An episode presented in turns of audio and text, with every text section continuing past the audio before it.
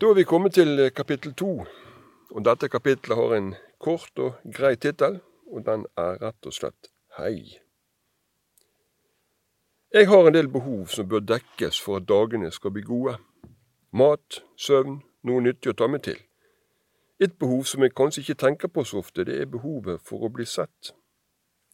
Viktigheten av dette oppdager jeg først når det ikke skjer. For eksempel når jeg er på reise når jeg oppholder meg på fremmede steder blant mennesker jeg ikke kjenner, og som heller ikke kjenner meg. Eller når jeg er en av mange på en konferanse eller på et møte.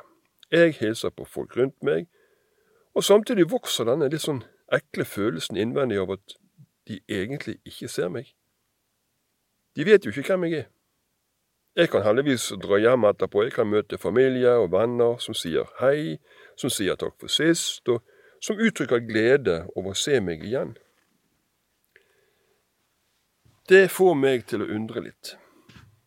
Finnes det folk rundt meg som ikke opplever å bli sett, og som kjenner på denne følelsen av å være aleine midt blant mange folk?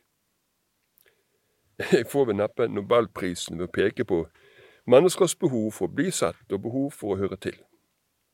Men bidrar jeg sjøl til dette i det daglige? Eller tar det som en selvfølge at de rundt meg har det greit. For omskrive noen kjente ord du skal se andre slik du selv ønsker å bli sett. Så ikke undervurder verdien av en god morgen eller takk for sist og kjekt å se deg. Det skal noen ganger veldig lite til, og det hjelper jo deg sjøl også til å være synlig.